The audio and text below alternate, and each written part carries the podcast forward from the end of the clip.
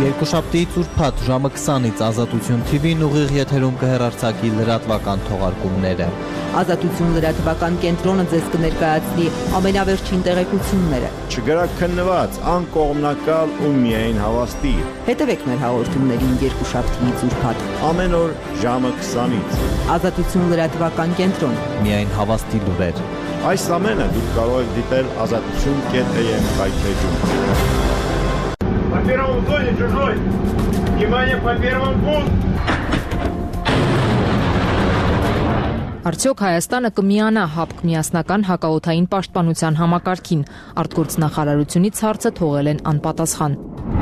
Уважаемые коллеги, друзья, Այն որ հապկ միասնական հոբ համակարգ է ստեղծվելու հայտնի դարձավ հապկ վերջին հավաքի ժամանակ, որին Հայաստանը չմասնակցեց։ Հարցը քննարկվելու է նաև դեկտեմբերի 19-ին հապկ խորհրդարանական վեհաժողովին, որը եւս Երևանը բոյկոտում է։ Ռուսաստանի արտգործնախարարությունից մինչդեռ պնդում են, որ հայկական պատվիրակության բացակայությունը չի ազդի հոբ միասնական համակարգ ստեղծելու որոշման վրա։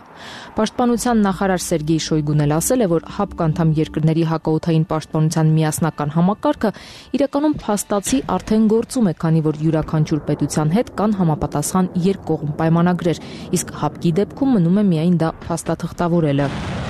ОДКБ, она по факту сделана. Если требуется оформление документальное, мы будем оформлять документально.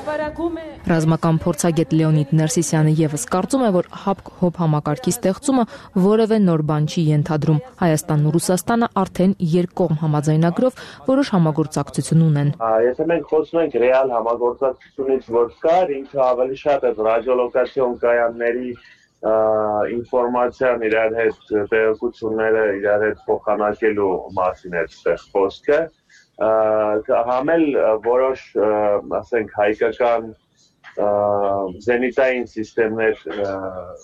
ինտեգրված էին այդ համակարգի մեջ, բայց դա Հայաստանն է ընտրում թե որը երբ Հայաստանը իրավունք ունի բոլորը օրինակ բոլոր իր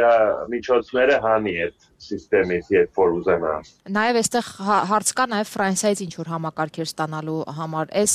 փաստաթղթավորումը, հա, արդեն եղած իրավիճակի կարող է ինչ որ կերպ խանգարի այդ գործընթացին։ չի կարող խանգարի ինձ թվում է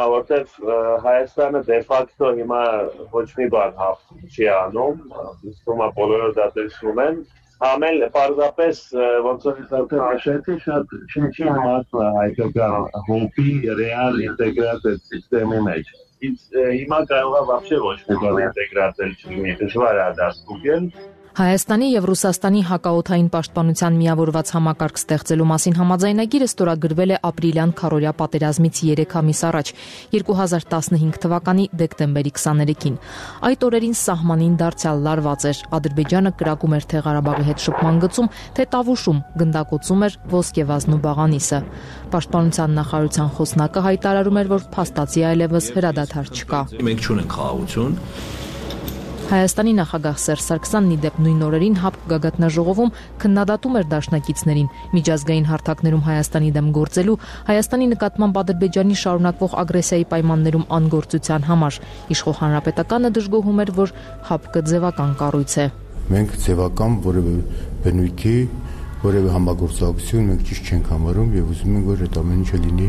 իրական եւ իրատեսական։ Նույն օրերին սակայն Ռուսաստանի պաշտպանության նախարար Շոյգուի եւ այդ ժամանակ Հայաստանի պաշտպանության նախարար Սեյրան Օհանյանի կողմից ստորագրվեց Ռուսաստանի եւ Հայաստանի հոպը միավորելու համաձայնագիրը։ Սա մեր զինված ուժերի կառավարման եւ մեր ինքնիշխանության նկատմամբ ու ուղիղ ոտնձգություն է մեր ունեցվածքը եւ մեր երեխաների ապագան ոչ թե զիջում ենք,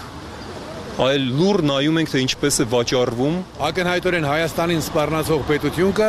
որի հիմնական սնուցողը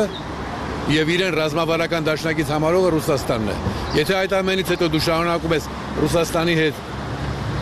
ոչ միայն հարաբերություններ պահպանել, այլ նրա բարյացակամությանն ես հավատում, նշանակում է քո բոլոր խնդիրները քո խնդիրներն են, որովհետեւ եթե դու ապուշ ես, վերջ, ոչ մեկից ոչինչ կախված չի քո ապուշության հետևանքները պիտի դու վայելես ճակերտավոր։ Խորհրդարանում քննարկումները թեժ էին։ Այդ ժամանակ ընդդիմադիր պատգամավորներ Թևան Պողոսյանի եւ Նիկոլ Փաշինյանի հարցերին պաշտպանության փոխնախարար Արան Ազարյանը հակասական պատասխաններ էր տալիս։ Հայաստանի Հանրապետության հորոփ հրամանատարը դուխ ունենալու է ցանկացած պարագայում կրակ հրամանը արցակի եւ որևէ մի նշմուլ չքաշվի եւ խնդրեմ չունենա որ կարող է իրեն դրա համար պատժել։ Գործողությունը, որը որ պետք է իրականացվի, իրականացնում մեր հոբ պետը։ Եթե Հայաստանի զինված ուժերի հակաօթային պաշտպանության համակարգից հրաման լինի ռուսական էսկադրիլիային օդ բարձանալ, իսկ Ռուսաստանից լինի հրաման, որ չէ, լավ պետք չի, օդ մի բարձացեք։ Այդ այդ ինքնաթիռները օդ կբարձանան, թե օդ չեն բարձանա։ Ասեմ, որ նշված գործընթացները չեն կարգավորվում միայն պարզապես հրամաններ տալով։ Դրա համար կան համապատասխան ուրեմն ղեկավար փաստաթղթեր Հանրապետականների իշխանության ժամանակ համաձայնագրին կողմ քվեարկեց 102 падգամավոր, դեմ էին 8 այդ թվում ներկայումս վարչապետ այն ժամանակ ընդդիմադիր падգամավոր Նիկոլ Փաշինյանը, ով նշում էր, որ Ռուսաստանն անգամ պայմանագրով նախատեսված զենքը չի մատակարարել Հայաստանին։ Այժմ էլ Հայաստանը կորցանիչներ ձեռք բերելու փոխարեն ձևական համաձայնագրեր է վավերացնում օր, 40 օր նույն process շարունակվել է։ Մեր հետախոզությունը տվել է հարցակման վտանգ, ռուսական հետախոզությունը ռազմավարական տվել է, որ չի լինելու հարցակման բոյա տվել։ Նույնը տեղի ունեցել նաև ապրիլի լույս 1 ապրիլյան պատերազմի մեկնարկի օրը։ Սա ինչ կապ ունես համաձայնագրի հետ, որ հետ էստեղ էլ է գրած, որ մեզ պետք է հետախուզական տվյալներ հաղորդեն։ Այո, կհաղորդեն այն ժամանակ, երբ որ իրանց պետք է, երբ որ իրանց պետք չի, չեն հաղորդի։ Եվ այս պայմանագրերը ամենամեծ, ամենամեծ բացասական ծառայությունը հետևյալն է Նրանք նրանք բուտաֆորիկ անվտանգության բուտաֆորիա են ստեղծում եւ մեր օրակարգի մեջ այդ սուր հարցը, որ մեր պետք է ունենանք ինքնուրույն ինքնիշխան հակաօթային պաշտպանության համակարգ, այդ սրությունը բթանում է ուղակի։ Եվ այս իշխանությունը ասում է այս հնարավորությունների հարցը հնարավորություն չկա։ Դուք պետք է ստեղծեիք այդ հնարավորությունը։ Եթե չեք ստեղծել, ուրեմն դուք հակահայկական, հակապետական իշխանություն եք։ 2020 թվականի պատերազմի ժամանակ սակայն կպարզվի, որ փաստացի գնված կորցանիչներն էլ էին բուտաֆորիկ, քանի որ հրթիռներ չունեին։ Պաշտպանության նախարարությունից 2016 թվականին վստահեցնում էին ինքնիշխանությունը չեն զիջում։ Պաշտպանության փոխնախարարը խորհրդարանում նշում էր, որ Հայաստանի եւ Ռուսաստանի միավորվող հոպում հորիզոնական հարաբերություններ են լինելու, բայց թե ինչ էր դա ենթադրում, այդպես էլ པարզ չդարձավ։ Պաշտպանության նախարարությունը 2016 թվականին նաև ընդհանուր միասնական հոբ համակարգի վերաբերյալ մի խրթին պարզաբանում էր տվել, որը սակայն այդպես էլ չէր հստակեցնում ով ում է ենթարկվելու։ Սակայն մի պարբերություն այնուամենայնիվ հստակ էր, թե ինչ հնարավորություն կտա համաձայնագիրը Հայաստանին։ Համաձայնագիրը հնարավորություն է տալիս օգտագործել Ռուսաստանի զինված ուժերի օթատիեզերական զորքերի հնարավորությունները ընդཐུպ միջև միջուկային զենքի կիրառում։ Ռուսաստանի զինված ուժերի օդատիեզերական ուժերն ունեն արբանյակային համակարգ, որը Հայաստանի տարածքում կարող է օգտագործվել իշա Հայաստանի հոբ զորքերի։ Ռուսական կողմն ունի նաև հսկման համակարգեր, որոնք նույնպես կարող են կիրառվել իշա Հայաստանի։ Եվ չնայած 2020 թվականի 44-օրյա պատերազմի եւ դրան հաջորդած 2021 եւ 22 թվականներին Հայաստանի վրա Ադրբեջանի հարձակումների ժամանակ այս համաձայնագիրը վաղուց ուժի մեջ էր մտել, Հայաստանի սուվերեն տարածքներ օկուպացվեցին։ Արդյոք Ռուսաստանի զինված ուժերի օթատեզերական զորքերի հնարավորություններից Հայաստանը կարողացավ օգտվել թե ոչ հայտնի չէ պետք է որ օրինակ ռուսական հոբ միջոցները նաև Գյումրիի բազայի օրինակ խոցեին ինչ-որ թիրախներ, որոնք Հայաստանի վրա էին գտնվում, բայց դա այդ այդ մասը հաստատ չեղավ, ոնց բոլորը գիտեն։ Իսկ այդ ոնց էր այդ ինֆորմացիան ինչ դեպի էին կիսում ու դա աշխատում էր թե չէ, այդ ինֆորմացիան չկա բաց աղբյուրներում ցավոք սրտի։ Պաշտպանության նախարարություն հարցում են կուղարկել հասկանալու հայ-ռուսական համաձայնագիրը երբևէ կիրառվել է թե ոչ։ Արդյոք Հայաստանը կարողացել է օգտվել օրինակ Ռուսաստանի արբանյակային համակարգերի տեղեկություններից։ Պաշտպանության նախարարությունից հարցմանը պատասխանելու համար լրացուցիչ ժամանակ են խնդրել։ Երկուշաբթիից ուրբաթ ժամը 20-ից Ազատություն TV-ն ուղիղ եթերում կհեռարձակի լրատվական թողարկումները։ Ազատություն լրատվական կենտրոնը ձեզ կներկայացնի ամենավերջին տեղեկությունները։ Չգրաքննված, անկողմնակալ ու միայն հավաստի։ Հետևեք մեր հաղորդումներին երկուշաբթիից ուրբաթ։ Ամեն օր ժամը 20-ից։ Ազատություն լրատվական կենտրոն։ Միայն հավաստի լուրեր։ Այս ամենը դուք կարող եք դիտել ազատություն.am կայքեջում։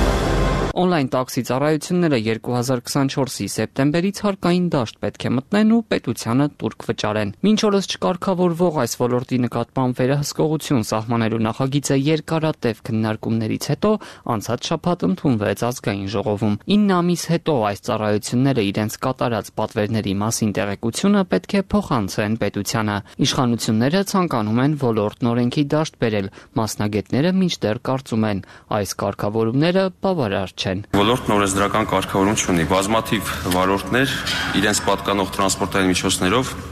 իրականացնում են ուղերափոխադրումներ, որոնք չեն վերահսկվում եւ չեն հարկվում։ Հաջորդ սեպտեմբերից on-line տաքսի ծառայություններն իրականացված յուրաքանչյուր պատվերի դիմաց ստացած գումարի մի մասը պետք է հարկայինին փոխանցեն։ Սկզբում գումարը փոքր կլինի, հետագայում կաչի։ Ընդ որում կանխիկով պատվեր կատարելիս գանցվող գումարն ավելի մեծ կլինի։ Հաջորդ տարվանից դրույքաչափերը 2% եւ 1.5% կկազմեն։ Օրինակ, եթե ուղևարցը 1000 դրամ կազմի, պետտուրքը կանխիկի դեպքում 20, անկանխիկի դեպքում 15 դրամ կլինի։ Տոկոսներն աստիճանաբար կավելանան եւ 2026-ին վերջնական մակարդակին կհասնեն 5% կանխիկի, 4 անկանխիկի դեպքում։ Փոխանցումները վարորդ ոլորտները չեն իրականացնելու, այլ հենց կազմակերպությունները։ Կազմակերպությունները լիազոր մարմնին եւ հարկային մարմնին պետք է արցանց տրամադրեն տվյալների բազայի հասանելիություն ձևակերպված պատվերների մասով։ Եթե կազմակերպություններն իրենց ունեցած տեղեկատվությանը պատկան մարմիններին հասանելիություն չտրամադրեն, կտուգանվեն։ Գործադիրը on-line տաքսիներից պահանջելու է նաև էլեկտրոնային ՀԴՄ կտրոններ տրամադրել ուղևորներին։ Չնայած այս հարթակներով իրականացվող մեծաթիվ պատվերներին վերջին տարիներին դրանց շեշտակին լայմանն ու մեծ դրամաշրջանառությանը, պետությունը մինչ օրս անգամ չգիտի թե քանի աշխատող է ներգրավված այս համակարգերում, որքան գումար է պատտվում եւ այլն։ Այս մասին հենց օրենքը ներկայացրած տարածքային կառավարման փոխնախարար Արմեն Սիմոնյանն ազգային ժողովում խոսեց։ Ոլորտում գործնեություն իրականացնողների վերաբերյալ հստակ տեղեկատվություն արկա չէ օրենսդրական կարգավորումների բացակայության պատճառով։ Կառավարությունը խոստանում է տեխնիկապես ամեն ինչով ապահովել։ Շատ վարորդներ միշտեր հարցազրույցների ժամանակ կամ տեսախցիկի մյուս կողմում ասում էին, հատկապես տարեցները դժվար գլուխ կհանեն այս ամենից։ Ոչ մեկը չեն կարողանա։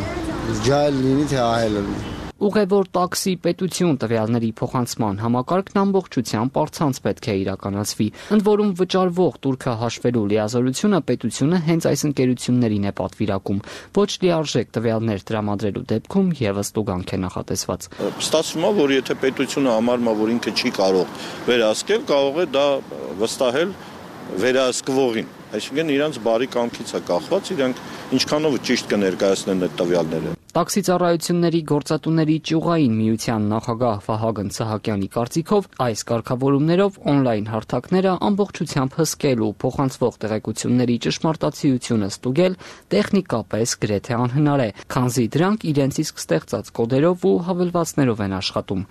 Իրանք հիմնվելու են այն տվյալների վրա, այն ինչ որ ներկայացրել է Yandex ընկերությունը կամ իր նման որևէ ընկերություն դրանք չեն կարող լինել թափանցիկ։ Մասնագետի պնդմամբ մինչ օրս չվերահսկվող ոլորտը օրենքի դաշտ բերելու համար մեքենան որպես տաքսի օգտագործող յուրաքանչյուր վարորդից լիցենզավորում պետք է պահանջեն, իսկ ընդունված այս փոփոխությունները որևէ կերպ չեն անդրադառնում հարցերին, թե օրինակ ով կարող է վարել ինչ մեքենայով եւ այլն։ Բուն ոլորտը դա տաքսի է, դա մեքենա է, իր վարորդով, որը այո, պետք է անցնի բազմաթիվ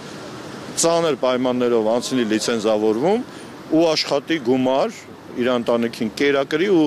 կողքից որևէ մեկը, որը իրավունք չունի դա անելու, չխանգարի իրենց։ Ինչ է նշանակում խնձորը մեկնա ուտողները ամեն օր շատանում են։ Դա էլ սահմանափակ ոլորտ է։ Սահակյանի կարծիքով այս փոփոխությունները նաև ծառայության թանկացման կհանգեցնեն։ Նորից թանկացումներ, նորից դժգոհություններ, նորից ինչ որ ալիքներ, Գործադիրից հավելյալ մեկնաբանություն ստանալ չհաջողվեց։ Ավելի վաղ վստահեցրել են ամեն ինչ կանեն, որ օրենքը սեպտեմբերից պատրաստ լինի կիրառման։